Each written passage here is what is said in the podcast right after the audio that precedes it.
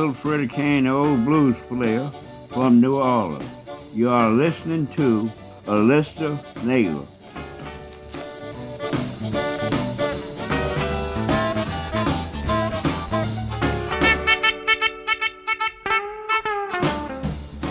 A música é matemática viva. En este caso, o adxetivo ten a mesma importancia que o sustantivo, porque dunha banda a música son contas que hai que cadrar, compases, acordes, notas, pero pola outra ten cualidades orgánicas. Na medida en que estamos vivos podemos sentila.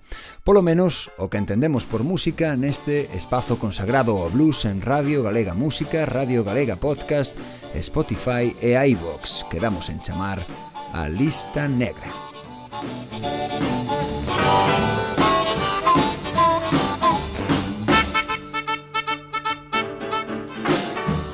Hoxe o noso protagonista vai ser un dos mellores pianistas do xénero. O seu nome vai unido ao de figuras como a Sonny Boy Williamson, Big Bill Brunsey, Washboard Sam ou Cam Heath. Acompáñame nunha viaxe polas aventuras e desventuras de John Led Chapman, máis coñecido como Memphis Slim.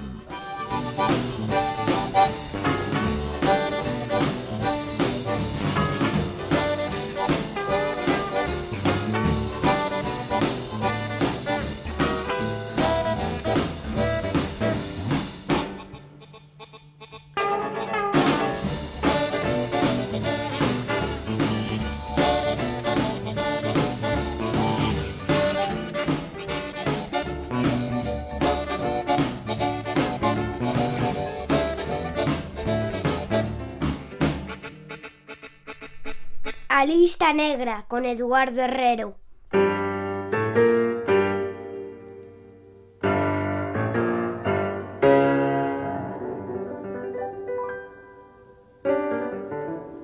The story is true, ladies and gentlemen.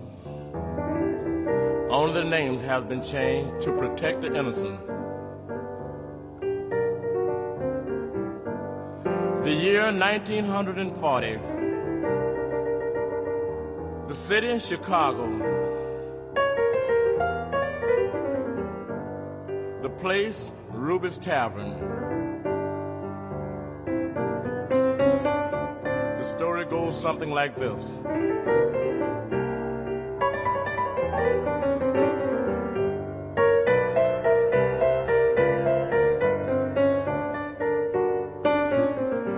I walked into a beer tavern to give a girl a nice time.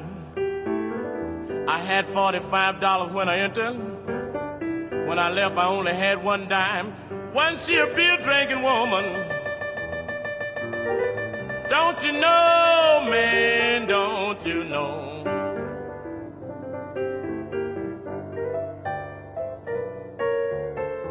She was a beer drinking woman, and I don't want to see her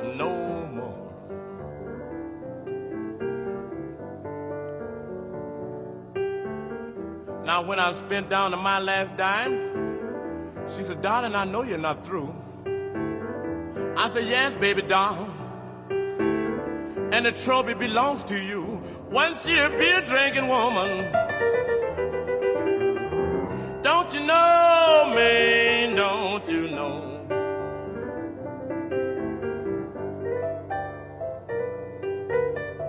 She was a beer drinking woman, and I don't want to see her no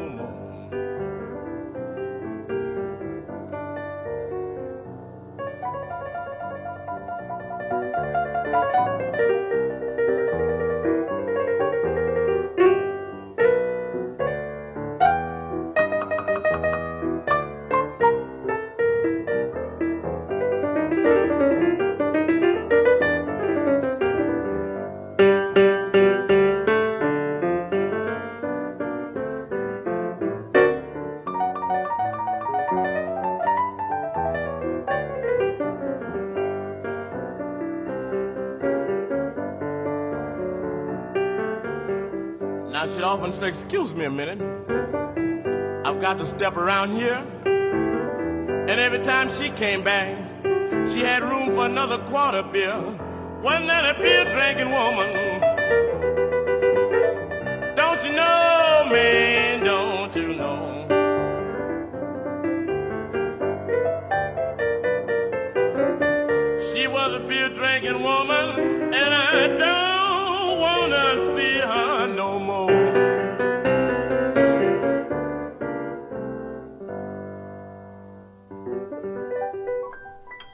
John Led Chapman naceu o 3 de setembro de 1915 en Memphis, Tennessee, onde pasou tamén a súa infancia e mocidade da que pouco se sabe. Sen dúbida, un lugar idóneo para se comprometer de por vida co blues. Con vinte poucos anos, despois de percorrer o circuito de tabernas, salas de baile e casas de xogo desde a súa cidade ata o sureste de Missouri, Chapman trasladouse a vivir a Chicago, onde en 1940 comezou a súa andaina profesional no selo Oki Records. John estreouse co nome artístico de Peter Chapman en honor a seu pai, guitarrista e pianista a escala local en Memphis. Meses máis tarde fichou por Bluebird Records e comezou a se facer chamar xa Memphis Slim, aínda que a idea do nome non foi súa senón de Lester Melrose, o home forte da discográfica naqueles tempos.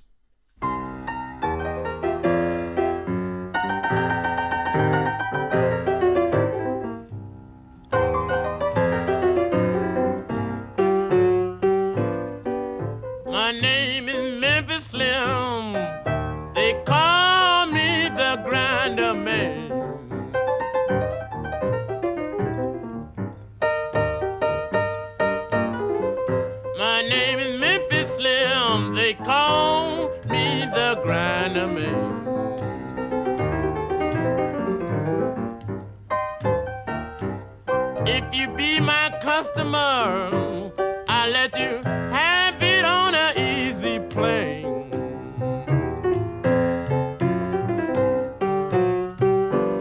I do my rambling at midnight, and I don't be seen in the day.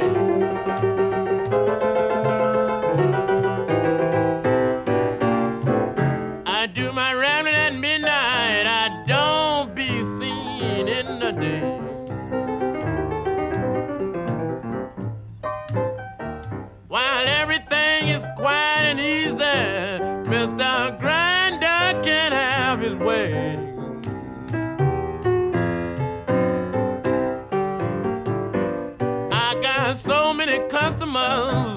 It takes me a week to get around.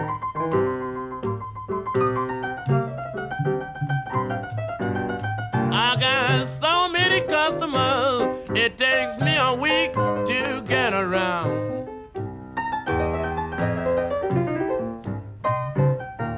But you need not be uneasy.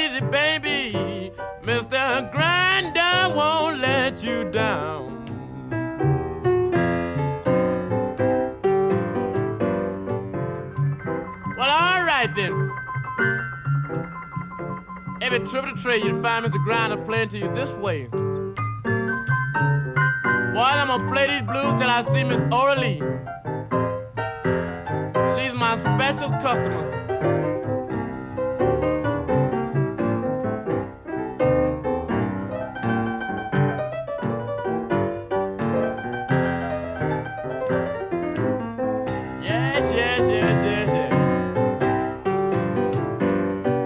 you wanna see me, baby, you better see me while you can.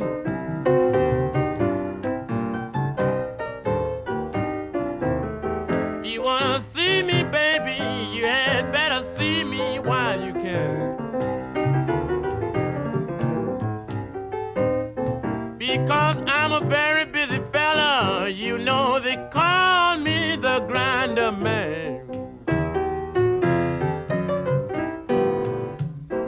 As dúas primeiras cancións que Memphis Slim gravou como tal publicáronse entre 1940 e 1941 no selo Bluebird Records. Acabarían por formar parte do seu repertorio durante moitísimos anos. A primeira delas, Beer Drinking Woman, soou nada máis comezar o programa, e a segunda, Grinder Man Blues, unha sorte de autopresentación artística, acabas de escoitala agora mesmo. Foi tamén naquel momento cando Memphis se converteu no socio musical de Big Bill Brunsey, o gran dominador da escena local de Chicago. A alianza entre eles prolongouse durante toda a primeira metade daquela década, tanto no estudio de grabación como sobre os escenarios, onde Slim soubo facer esquecer o anterior teclista da banda de Brunsy, Joshua Alzheimer, falecido en 1940.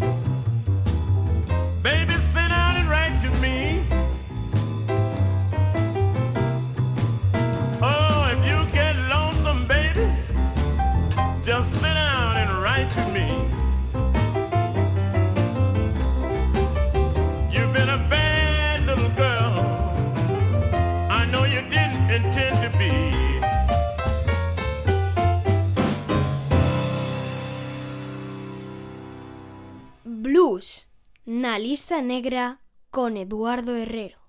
En 1944, Memphis Slim decidiu deixar a banda de Big Bill Brunsey e probar sorte pola súa conta.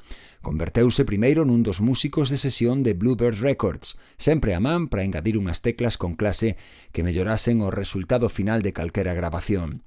Rematada a Segunda Guerra Mundial, comezou a liderar el mesmo distintas formacións de saxo, baixo, batería e piano, coas que seguiu a estela de Louis Jordan, de que xa che falei no programa, a ritmo de Jam Plus. En 1947, o día seguinte dun concerto conxunto de Slim Brunsy e Sonny Boy Williamson no Town Hall de Nova York, O folclorista Alan Lomax meteunos aos tres nos estudios de Decca Records na Gran Mazá e produciu unha grabación histórica que, porén, tardaría algún tempo en vela luz, primeiro a través da televisión pública británica, a BBC, despois nun documental titulado The Art of the Negro e finalmente no álbum Blues in the Mississippi. Aquí tes un dos temas registrados naquela reunión de talentos, Life is like that.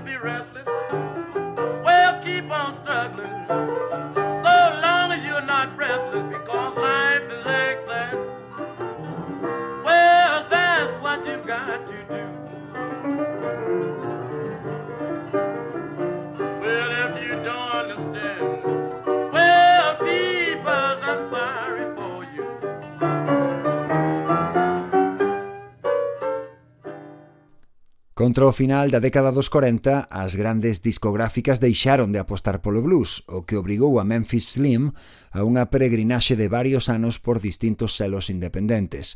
Co que máis éxito acabou foi con Miracle Records. Rock in the House foi o primeiro single que editou para eles e serviu ademais para lle dar nome á banda de acompañamento coa que traballaría durante bastante tempo, os House Rockers. Con este Messing Round, Slim e o seu flamante combo acabaron o número un das listas de Rhythm and Blues en 1948. I'm feeling low down.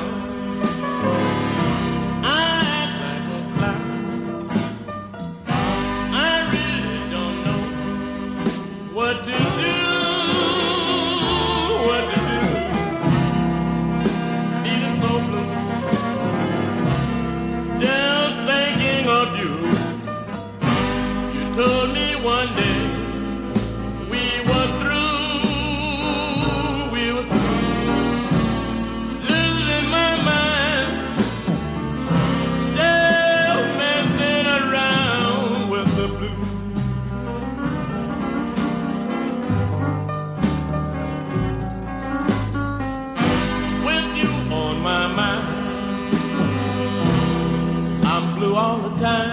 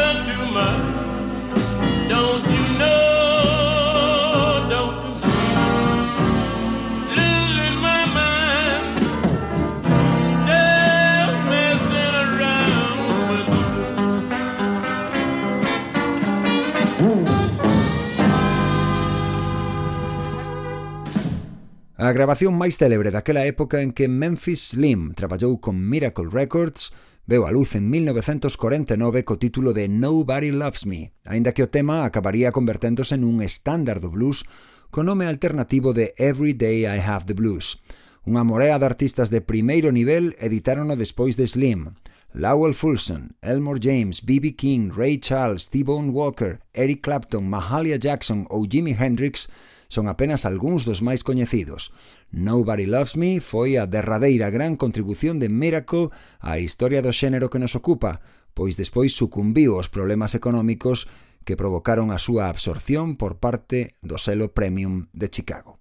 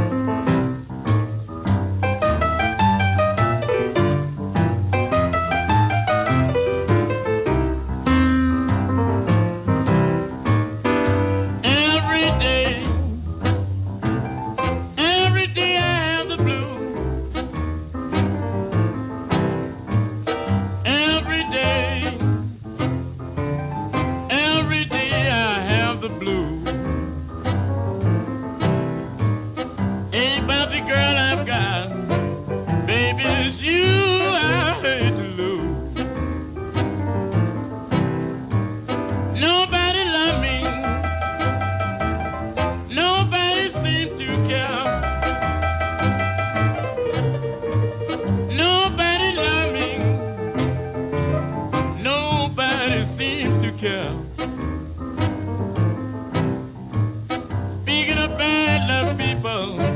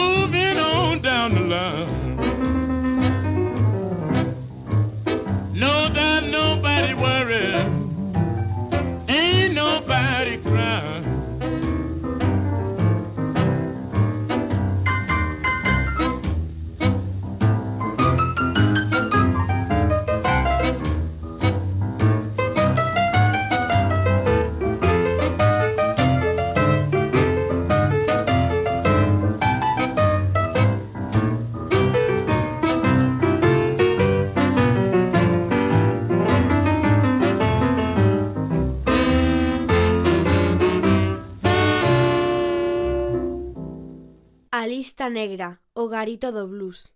Memphis Slim mantívose en nómina de Premium cando esta absorbeu Miracle Records, En 1951, con algúns cambios na súa banda, os House Rockers, Slim acometeu varias sesións de grabación das que saiu a versión orixinal doutro dos seus grandes clásicos, Mother Earth, que supuxo un inusual exercicio de blues moralizante presidido por un retrouso que advertía textualmente que non importa o importante que te creas ou os méritos que fagas ao longo da túa vida porque, ao cabo, sempre vas volver formar parte da nai terra. Xa sabes, un pouco aquelo de Expo en Po haste de converter.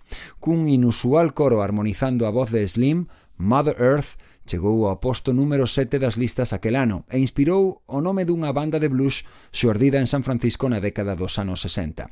Os críticos descríbena como unha das pezas lentas máis inspiradas en toda a traxectoria do noso protagonista doxe. Compróbao por ti mesmo. Mother Earth.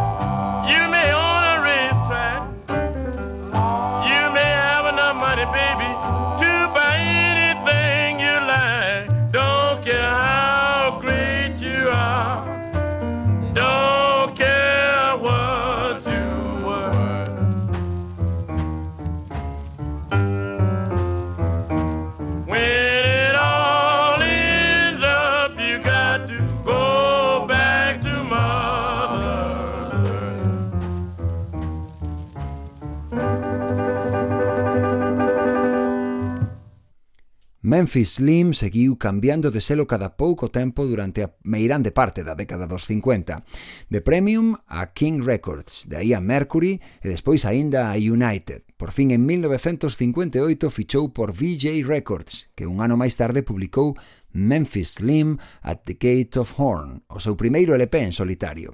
O disco incluía unha boa selección dos seus maiores éxitos ata ese momento, debidamente regravados e actualizados para a ocasión cunha nova banda. Un traballo cun sonido fastuoso de principio a fin, do que se aproveita todo e do que che propoño escoitar apenas un exemplo, este Sassy May.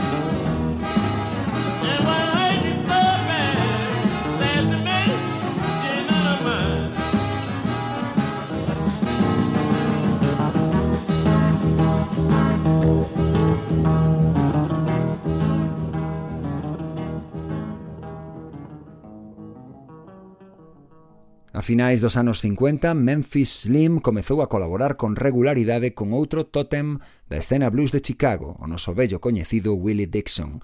No primeiro álbum de Dixon, Willie's Blues, editado por Prestige Records, Slim recibía de feito case o mesmo crédito que el desde a mesma cuberta do disco. Tocou en todos os temas e mesmo asinou os dous que non estaban compostos polo seu amigo Willie.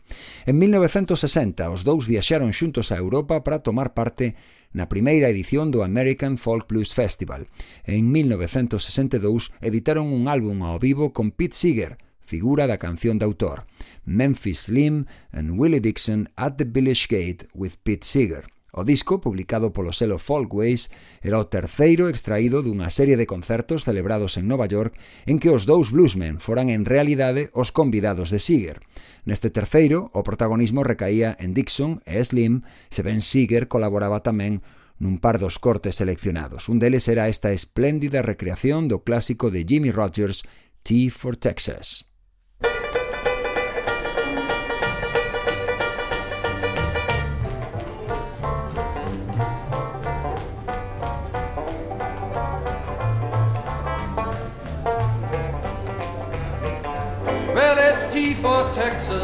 For Tennessee. Well, T for Texas, T for Tennessee. And it's T for Thelma, that gal that made a wreck out of me.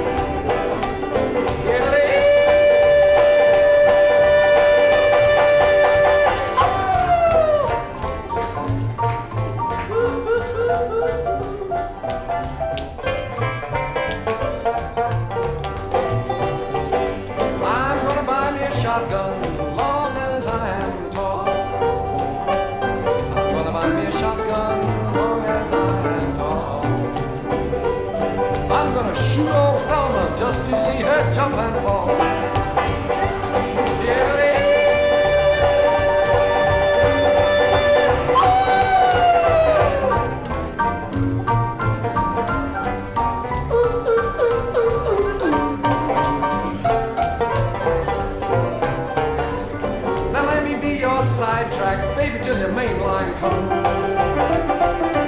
Let me be your sidetrack, baby, till your mainline more switching than the main line ever done.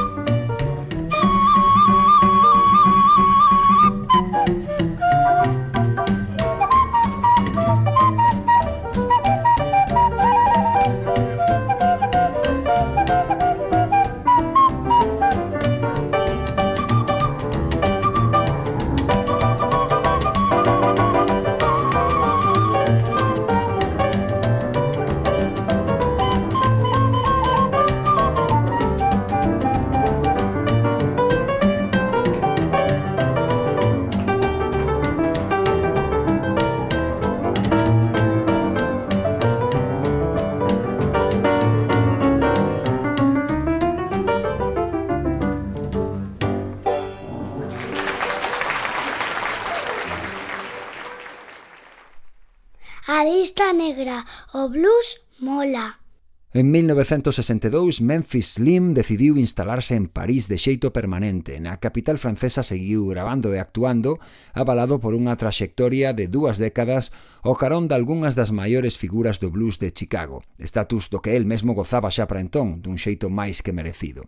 Fixo algunhas incursións no cine, mesmo compuxo algunha banda sonora e realizou xiras por Europa que incluíron aparicións en numerosas canles de televisión do bello continente. De cando en vez regresou aos Estados Unidos para rexistrar delicias sonoras como a Southside Reunion, o seu disco de 1972, xunto a dous vellos coñecidos da lista negra, Buddy Guy e Junior Wells. Aquí os tes, os tres xuntos, con Ernest Johnson Jr. ao baixo e Roosevelt Shaw na batería neste You Are The One.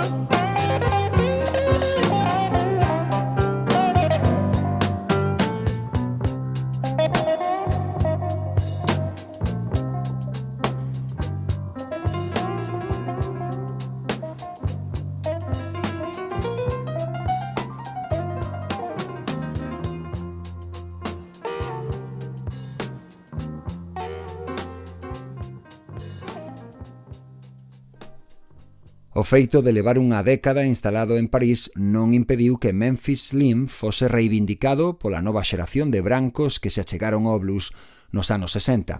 Entre eles destacaron os membros dunha banda californiana, da que xa che falei nalgúnha ocasión no programa, e a que antes ou despois terei que facerlle xustiza dedicándolle un episodio completo. Refírome a Can Hit, con quen Slim facturou outro álbum colosal no que tamén participaron os Memphis Horns, a mítica sección de eventos do selo Stax. Curiosamente, Memphis Heat grabouse en Francia entre 1970 e 1973, ano en que viu a luz. O disco é unha refrescante ensalada de blues rock exuberante e musculoso da que este Black Cat Cross My Trail é un bo exemplo.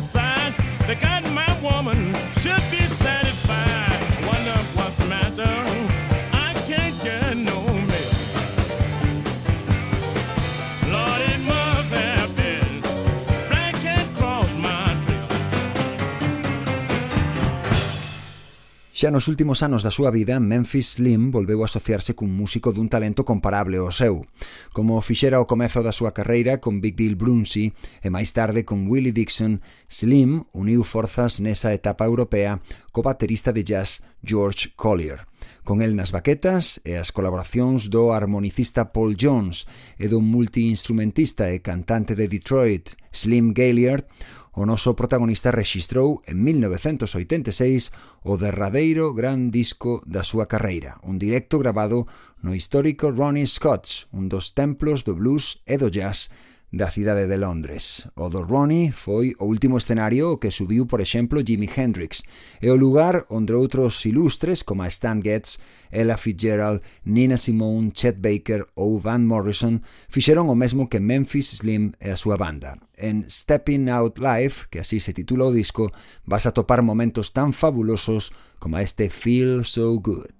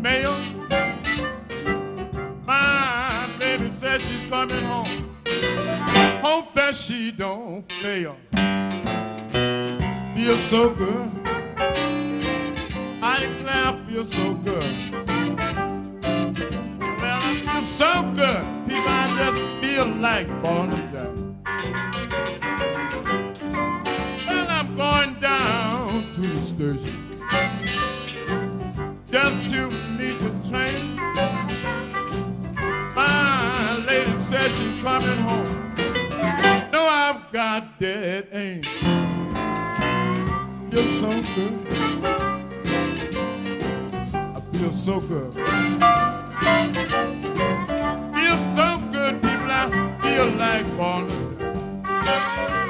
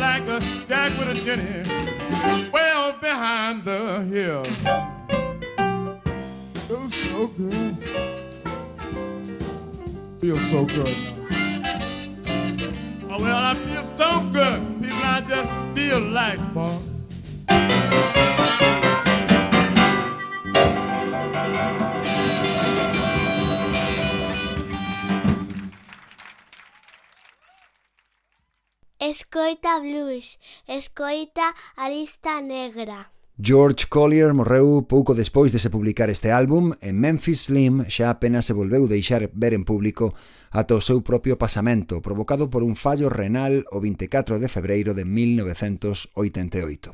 Tiña 72 anos e os seus restos voaron desde París ata Memphis, onde repousan no cemiterio de Galilee. O ano seguinte foi incorporado ao Salón da Fama do Blues pianista fora de serie e gran cantante, artista completo e carismático, John Led Chapman, alias Memphis Slim, tamén forma parte desde este momento da lista negra.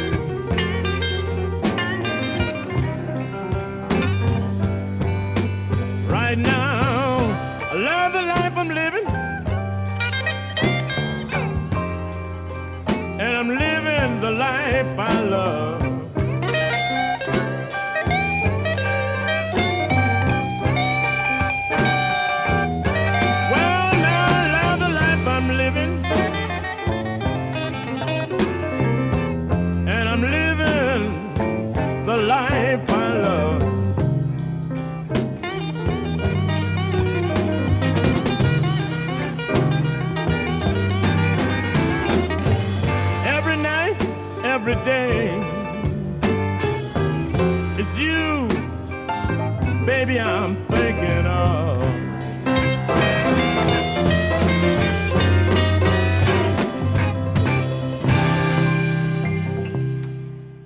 Galegos na lista negra. Ola, son Pablo de Alex e Leira, é un proxecto establecido entre Coruña e Ferrol. Eh, tamén vimos aquí a presentar un tema que se chama Bring It On Home To Me. Eh, esperábamos que os guste moito. Thank.